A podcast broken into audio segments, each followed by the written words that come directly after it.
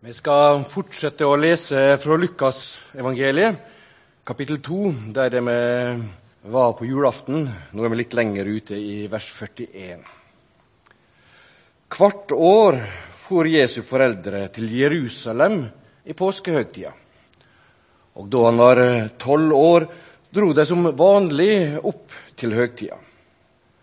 Men da høgtidsdagene var til ende og de skulle fare hjem, ble gutten Jesus værende attende i Jerusalem, og foreldra hans la ikke merke til det. De tenkte han var med i følget, og for ei dagsreise fram før de tok til å leite etter han mellom slektninger og kjenninger. Siden de ikke fant han, for de attende til Jerusalem og leite etter han der. Men først etter tre dager fant de han i tempelet der satt han, midt blant lærerne, og lydde på dem og stilte spørsmål. Og alle som hørte på han, undra seg over hvor klok han var, og hvor godt han svara. Da foreldra fikk se han, ble de slegne av undring, og mor hans sa, Hvorfor har du gjort dette mot oss, barnet mitt? Far din og jeg har leita etter deg og vært så redde. Men han svara, Hvorfor leita de etter meg? Visste de ikke at jeg måtte være i huset åt far min? Men de skjøna ikke hva han mente med dette. Så ble han med dem hjem til Nasaret og var lydig mot dem. Men mor hans gjemte alt dette i hjertet sitt. Og Jesus gikk fram i alder og visdom og var til glede for Gud og mennesket. Slik lyder Herrens ord.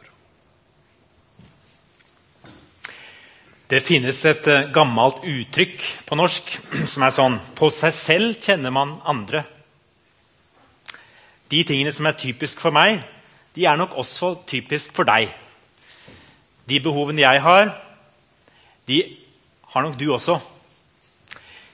Det er egentlig et ganske skummelt uttrykk, det der. For sannheten er at på oss selv så kjenner vi egentlig veldig dårlig andre. Denne holdningen på seg selv kjenner man andre. Den er skummel fordi den, eh, den så lett for oss til å trekke raske konklusjoner om andre mennesker. Forutinntatte meninger om hva de trenger, og hvordan de har det, og hva de er. Jeg sitter og ser ned på Hans Eskil nå og kan ikke dy meg for å si at han har skrevet en fantastisk bok da, som handler om den gode individualismen. Og det handler om at vi skal være litt varsomme med å mene så veldig mye om hva andre trenger, basert på hva vi sjøl trenger. Ikke minst i sånne sammenhenger som en kirke. Og i samfunnet for øvrig. Noen ganger så trekker vi så raske konklusjoner om andre mennesker før vi egentlig har blitt kjent med dem, at vi begynner å handle på dem, og så opplever folk at de blir på en måte påtvunget noe de egentlig ikke selv ønsket seg. Altså På seg selv kjenner man ikke andre. Hvis vi overhodet skal vite noe om hva som egentlig foregår inni et annet menneske, da trenger vi å lytte ærbødig, ta oss god tid, lytte oss inn på det andre mennesket. Og selv da så er det mange ting vi kanskje aldri finner ut. Men når vi har denne holdningen, så kan den også lede til enda verre ting. Den det kan lede til en sånn generell tanke om at 'jeg vet hva som er best for deg'. Det er kanskje ikke farlig i seg sjøl, men det har jo ført til mye maktmisbruk. I familier, i samfunn, mellom nasjoner. Og Vi som kristne vi har en historie innenfor misjon og hjelpearbeid i andre land som ikke alltid har vært helt bra. Vi har ikke alltid vært forsiktige nok når vi har tråkket inn i andre kulturer og i andres tradisjoner. Med våre verdier og med vår tro. Det er en del av vår bagasje. Og det vet vi det vet alle dere som bor i Norge, så å si. Om dere er kristne eller ikke kristne, så er det noe veldig mange er klar over. At det er gjort mye gærent opp gjennom tida i troens navn. Og fordi vi kristne vet dette, så er vi blitt ganske forsiktige av oss.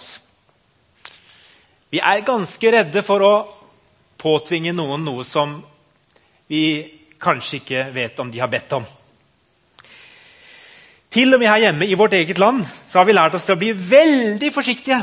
For vi vil helst ikke tråkke på noen sine verdier. Vi tenker som så selv om jeg har en tro, og selv om jeg har funnet en mening med mitt liv, så er det jo først og fremst min tro. Du skal få ha din i fred. Og på mange måter er det blitt litt sånn typisk norsk. Og En av årsakene til dette det tror jeg er at vi gjennom noen generasjoner har utviklet en veldig viktig verdi i vårt samfunn. Jeg vet ikke om dere har gjettet hvilken verdi det kan være? Og En veldig viktig verdi for oss i Norge, og det er frihet. Og Det er jeg glad for. Det ble satt ned en verdikommisjon under Bondevik-regjeringen for noen år siden. og De diskuterte i årevis og satt sammen fra alle mulige samfunnslag og skulle finne ut hva er de norske verdiene. Og Så kom de fram til at det var én ting alle kunne være helt enige om, og det var at det var en veldig viktig verdi med frihet for oss i Norge. Frihet til å ta egne valg. Frihet til å velge mitt eget liv, hvem som skal være min ektefelle. Hvilken jobb og utdannelse jeg skal ta. I noen grad så har vi en frihet til å i hvert fall velge noe om det. Hvor jeg skal bo i Norge eller andre steder, og hva jeg skal tro på, hvilken religion jeg skal ha. Om jeg skal ha noen i det hele tatt. Frihet det er en verdi som vi kanskje ikke vet å verdsette skikkelig før vi ikke har den lenger.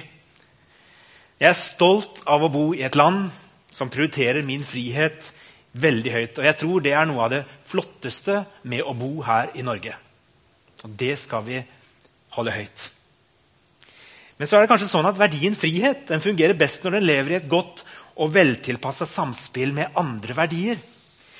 Det er noen som forsker på sånt som mener at det finnes to andre verdier i tillegg til frihet som mennesker ser ut til å trenge for å ha et godt liv. Og Nå motsier jeg på en måte meg selv allerede, for nå påstår jeg at det finnes tre verdier som alle mennesker trenger uansett hvor de bor i verden. Men jeg påstår jo det. Uten å ville prakke det på noen. De to andre verdiene utenom frihet det er mening og fellesskap. Mening og fellesskap. Og det er noen som påstår at disse to verdiene, opplevelsen av mening og fellesskap, de har blitt kraftig svekket, spesielt i vår del av verden. siste generasjonene. Noen mener det kan være noe av grunnen til at så påfallende mange sliter med depresjon. For eksempel, som man ikke helt klarer å forstå meningen med på en måte, i en del av verden hvor vi har så mye Alt er ordnet, velferdssamfunn, alt er på en måte på plass. Og så skal vi likevel gå rundt og kjenne på så mye meningsløshet som veldig mange nordmenn gjør. Og det er mange årsaker til det, men noen sier at det handler om at vi har mistet mer av det som handler om mening og fellesskap, selv om vi har masse frihet. Mange opplever seg som en ensom øy i havet. De forstår ikke at det er noen mening at de er til, at de lever. Hvorfor er jeg akkurat her? Hva er egentlig poenget? Hvis alt handler om meg og hvordan jeg føler det, hvordan jeg har det, hvis det er hele tiden målestokken for om livet mitt har betydning og verdi, ja, da er det kanskje faser i livet der hvor det helt rakner. Og da sier vi ja, er det noe vits i da? Når jeg ikke føler det bra og ikke syns at min innsats betyr noe som helst. Og når jeg stadig vekk spør meg sjøl gjør jeg noen forskjell, ville noen merket at jeg forsvant? I det lange løp så er det ganske mange som syns det er slitsomt når alt koker ned til meg, meg og meg. At det er det alt bygger på. For hva er nå det, egentlig? Var dette alt? Er det ikke noe mer enn dette? På seg selv kjenner man andre, sier vi. Og det er ikke sånn. Og Likevel så skal ikke jeg skjule at jeg har en agenda når jeg står her som prest og forkynner i bymenigheten. Jeg har en overbevisning om at det finnes en større sannhet, en større mening med livet mitt. Dere vet det. Dere vet hva jeg står for. Men det er ikke en sannhet som jeg ville ha klart å grave fram ved å lete inni meg selv i veldig veldig mange år. Så jeg tror ikke at jeg hadde klart å komme fram til den sannheten bare ved å grave inni meg selv. Så det er ikke sånn at på meg selv så kjenner jeg deg. Det er ikke en privat sannhet jeg står og snakker om. Det er ikke en privat mening som jeg kan påstå er riktig, i hvert fall for meg, og at det sikkert er noe helt annet som kan være riktigere for deg. Hvis jeg sto her og sa det, så ville jeg løyet. Jeg skal innrømme det, at jeg tror at den sannheten som jeg har fått åpenbart gjennom en fortelling som uh, dere hører om, og kommer til å høre om mye når dere er i bymenigheten, Den tror ikke jeg at mennesket har funnet på av seg selv. Det er ikke noe noen har funnet inni seg selv, men det er noe som er blitt gitt oss ovenfra. Og hvis det er det, hvis det er sant, ja, da ville det være meningsløst om jeg trodde at det bare gjaldt for meg. Ja, Det ville til og med være ganske egoistisk om jeg tenkte at det jeg hadde funnet, ja, det er noe jeg har her. det. Men du kan jo ha noe helt annet. Det kan godt hende at du har noe helt annet som du er gitt. Nei, det jeg har funnet, det er noe mer enn bare en personlig, subjektiv sannhet for meg. Jeg tror faktisk at jeg har funnet noe som gjelder for alle mennesker, uansett hvor de bor i verden. Uansett livsfase, uansett kultur, uansett personlighet. Og Det betyr ikke at jeg ikke respekterer alle menneskers individualitet og valgfrihet. Det er kjempeviktig at vi holder fast på den friheten til å velge. Men jeg kan ikke la være å si at jeg ønsker dette for alle mennesker. Her er noe av det jeg tror på som kristen. Og heldigvis har vi god tid utover våren til å utforske og pakke ut litt og litt av det som jeg opplever som essensen, og som vi opplever som essensen i en kristen tro og mening og livsforståelse. Så I dag er det bare et bitte lite glimt. Jeg tror at det finnes en Gud som kjenner meg, og som kjenner deg. Han har skapt deg og satt deg inn i livet. Jeg tror at han kjenner oss mye bedre enn vi noen gang kommer til å gjøre selv. Så ja, på meg selv kjenner jeg ikke deg, men jeg tror jeg likevel vet litt om mennesker, fordi Gud ikke bare finnes et sted der ute, men han har gitt seg til kjenne for oss. Og Det har vi nettopp feire i jula. Og Det tar vi som en selvfølge at vi feirer Jesus som ble født som et lite menneskebarn. Men det er egentlig uhyre kontroversielt. For veldig mange mennesker i verden i dag de kan kanskje også forholde seg til dette med Gud og en guddom, men det vi kristne påstår, at han ble et lite menneske, det er enten kan det oppleves avskyelig for noen å tilsmusse Gud på den måten og gi han menneskelig trekk på den måten. Det er det noen som vil si er fryktelig. Andre vil synes at det er uhyre vakkert. Ja, Noen har jeg til og med hørt sagt at de ville ikke kunne tro på Gud hvis det ikke var for den fortellingen at han er blitt et menneske. For det gjør det mulig å tro på han. Det gjør det mulig å tro på en Gud når vi vet at han har vært gjennom alt det som vi mennesker har vært gjennom, og kjenner oss sånn som vi mennesker kjenner oss selv. Ja, enda bedre. Men det betyr kanskje egentlig ikke så veldig mye om det er avskyelig eller om det er vakkert, hvis det er sant.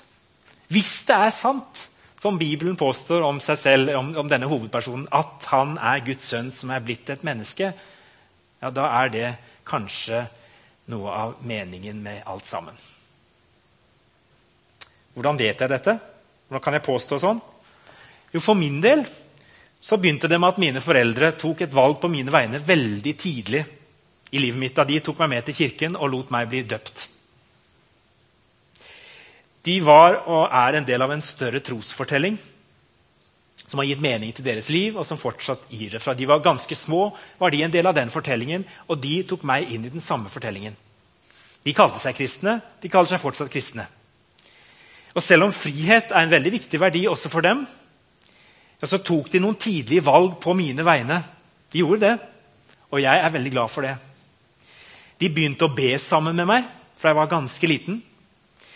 Og de fortalte meg historier fra Bibelen veldig tidlig. Og på en eller annen måte så ble jeg en del av en større fortelling. Vi prøver å vise litt av den fortellingen. Se bildene her. Litt om barnlige bilder, som er en tidslinje. Og Den begynner liksom på en måte tidlig i en prosess. i denne delen av fortellingen begynner med at Jesus ble født, og så går den helt fram, og så er den egentlig ikke ferdig ennå. Så er vi en plass midt inni her. Den fortellingen er åpenbart for oss i Bibelen. En historiefortelling som utfolder seg over mange tusen år. Men det er mye mer enn en historiefortelling. Den påberoper seg å være fortellingen om menneskets skjebne, menneskets liv, menneskets fortid, nåtid og framtid. Det er merkelige ting i den fortellingen. Vi skal bruke hele et semester altså til å plukke ut de viktigste tingene, de som danner fundamentet i det som vanligvis kalles for den kristne tro. Den aller viktigste sentrum i fortellingen det er da altså at Gud ble menneske. Det kommer vi ikke vekk ifra, at det er det viktigste i den kristne tro. Og Det gir kanskje ikke umiddelbart mening for deg hva det betyr i ditt liv at Gud ble menneske, men det håper jeg vi skal finne ut etter hvert. Og Det er derfor vi har feiret jul, og derfor leser vi fortellingene om Jesus. Vi gransker og undrer oss over disse fortellingene om Jesus. Ja, til og med fra han var bitte liten barn. Og vi møter også en fortelling i dag om da han var tolv år. Vi skal bare litt innom den fortellingen også i samme tema vi har i dag. Fordi jeg synes det er ganske fascinerende. Om du har problemer med å forstå at, at Jesus er Gud, så behøver du i hvert fall ikke å tvile på at Jesus er menneske. Og det er kanskje like viktig å få på plass. Jesus var et vanlig menneske, samtidig som han også var veldig uvanlig. Det betyr at Da han var tolv år, så var han på mange måter på samme sted som veldig mange ungdommer er. Han var i ferd med å utforske friheten, valgfriheten i sitt eget liv. Han var i ferd med å finne ut av hva er det som er mitt, og hva er det som var foreldrene mine sitt. Hva er min identitet? Hva er min mening? Hvorfor er jeg her? Og Det er det som foregår i denne merkelige lille fortellingen, der han rett og slett blir værende igjen i tempelet. De er der i forbindelse med påskehøytiden, og, og familien hans drar hjem igjen. Og i tre dager Du kan jo lure litt på hvordan det er mulig for foreldre da, å glemme han liksom i tre dager, men sånn var det, for de var en storfamilie som var i lag. og Han er jo med onkelen og tantene, det går sikkert bra med han. Men Jesus var ikke der. Han var fortsatt i Jerusalem. Og Der satt han og snakket med voksne mennesker. Det er det jo ikke alle ungdommer som gjør, men det er noen som gjør det. Noen som finner ut at det er kjempespennende å snakke med noen andre enn mamma og pappa. Og utforske hva er egentlig jeg, hvem er, hvem er jeg, hva er min identitet. Som tolvåring så gjør Jesus det. Og det er fordi sannsynligvis allerede da er han i ferd med å oppdage hvem han er. Som veldig mange ungdommer gjør. Selvfølgelig oppdaget han at han var noe mye mer enn det en vanlig ungdom er. Han oppdaget at han ikke bare hadde mor og far her på jorden, men at han hadde en far i himmelen som var mer enn det de andre rundt ham kalte Gud. Derfor sa han jeg måtte være i min fars hus. og Det er ganske spesielt at Jesus har gjort den oppdagelsen. Det var ikke vanlig å kalle Gud for far, men Jesus gjør det allerede som tolvåring. Han har identitet som Guds sønn og vet at det er en spesiell mening i livet hans. Så Det Jesus er i ferd med å gjøre her, det er å oppdage at han ikke bare har en frihet til å velge selv. Han har en frihet faktisk til å bli mer i gåsøgne religiøs enn sine foreldre. Det hender av og til. Jeg har fått noen telefoner fra noen foreldre som har vært litt bekymra. Det har skjedd et par ganger, faktisk. Fordi barna deres har begynt å bli med i en sammenheng så de syns kanskje blir litt vel kristelig. Selv om de sjøl har vært kristne hele livet. Det syns jeg er litt interessant. Fordi de syns kanskje det ble litt intenst. Er dette bra for ham, tror du? Men det er jo, som jeg sier, ja, La dem få lov til å forske ut det. Det er jo kanskje bedre at de, de går i den menigheten litt, enn at de går et par andre steder som ungdommer kan prøve ut på den tida. Men de må få ha litt sånn valgfrihet, og så må vi samtidig kunne si dette syns vi er greit, dette syns vi ikke er greit. Og Jesus han forholder seg på en måte litt til det samme. Han velger å være lydig etterpå, står det, og gjøre sånn som foreldrene sa. Men han er i ferd med å oppdage sin frihet, men også meningen med livet sitt. Som var både å være en del av den tradisjonen han var en del av, noe som var kapsla inn i han fra han var bitte liten, han var en del av en større sammenheng, en region, en mening. Det var en grunn til at han fantes. Og så begynner han å få enda mer tak på det som tolvåring. Og dypest sett så er det det. Vi skal komme litt tilbake til fellesskap til slutt. Men det, det er noe av det vi, vi jobber med dette semesteret. Finne ut hva er min identitet, hva er min tro. Kan jeg stå inne for det samme som de andre gjør? Når de kaller seg kristne, er jeg, er jeg en kristen? Hva vil det si å være en kristen? Hva er den større meningen mitt liv står i? Finnes det en sånn mening, eller er jeg bare en ensom øy i havet? En som fant ut noe om dette, her, skal vi bli litt kjent med nå.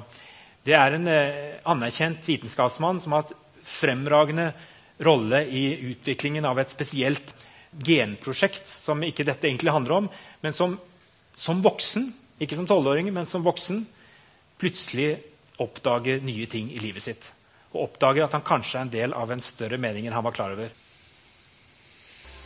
Francis Collins, one of the greatest scientists of our time, was director of the Human Genome Project, mapping the 3 billion letters in the human DNA, considered by many to be the most significant scientific undertaking of our time.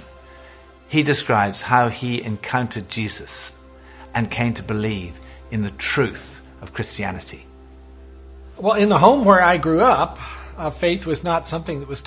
Hjemme snakket vi ikke spesielt mye om tro. Min far var professor i dramaturgi, og min mor var dramatiker. Da jeg gikk på universitetet og religion ble diskutert sent på kvelden i studentkorridoren, så hadde ingen trosoppfatning å hevde høyt. Jeg antok at de religiøse følelser som folk hadde, var basert på en emosjonell opplevelse Og slikt stolte jeg ikke på. Eller det var pga. indoktrinering som barn som jeg hadde flaks å unngå. Jeg elsket å lære ting om menneskekroppen med alle dets bestanddeler, og jeg likte spesielt godt genetikk. Men senere endte jeg opp på legestudiet og fikk sitte ved pasientens sengekant. Nå var det ikke lenger abstrakte studier av molekyler og organsystemer. Det var ekte mennesker. En ettermiddag fikk en pasient, en fantastisk eldre kvinne i bestemors alder, og som hadde en alvorlig hjertesykdom, alvorlige brystsmerter, mens jeg var hos henne. Hun klarte seg og fortalte meg hvordan hennes tro hjalp henne i denne situasjonen. Legene kunne ikke hjelpe henne veldig mye, men hennes tro gjorde det. Og etter at hun hadde beskrevet sin personlige tro, snudde hun seg til meg som hadde sittet stille, så på meg og spurte, Hva tror du på, doktor? Jeg måtte innrømme for meg selv at jeg hadde kommet fram til min konklusjon på livets viktigste spørsmål. Finnes det en Gud? Uten egentlig å ha undersøkt bevisene. Og jeg som var en forsker. Hvis det er noe forskere hevder, er det at deres konklusjoner baseres på bevis. Men jeg hadde ikke brydd meg med det. Jeg fikk stor hjelp fra en pastor i gaten min som jeg snakket med om dette, og han ga meg C.S. Lewis sin fantastiske bok 'More Christianity'. En forsker ved Oxford universitet med et stort intellekt, som hadde gått samme veien under min lesing innså jeg at man tror på rasjonelt grunnlag, og at vi gjennom de ledetrådene vi ser når det kommer til universets opprinnelse og alle dens fininnstillinger som bestemmer oppførselen til materie og energi, så synes det å ha blitt innstilt aldeles perfekt for å muliggjøre liv. Det er mye mer inkludert mitt yndlingstema matematikk og hvorfor det fungerer for å beskrive universet, fikk meg til å tro at skaperen må ha vært matematiker.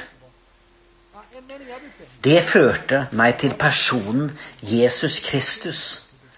En historisk, ekstremt godt dokumentert person. Jeg hadde vurdert Kristus like mye som myte som historie. Men jeg skjønte at det handlet om en historisk person som det mange bevis rundt. Selv for hans virkelige oppstandelse fra de døde. Den dagen ved min pasients steng startet en reise for meg. En nødvendig reise som jeg begynte motvillig.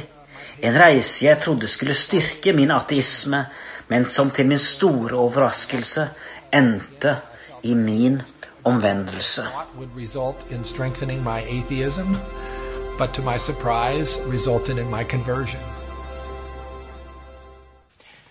Et av uh, mange vitnesbyrd som vi får gjennom uh, Alfa-serien.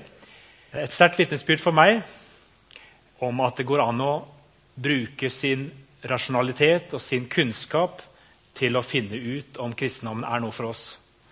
Men jeg begynte denne talen med å snakke om det å kjenne seg selv og det å være kjent av Gud og det å kjenne Gud. Å kjenne er noe annet enn å kunne. Så det under alle mennesker er å bli invitert inn ikke bare til å forstå eller kunne noe, men sånn som han også fikk oppleve, å gå inn i en relasjon med denne Jesus som han hadde oppdaget.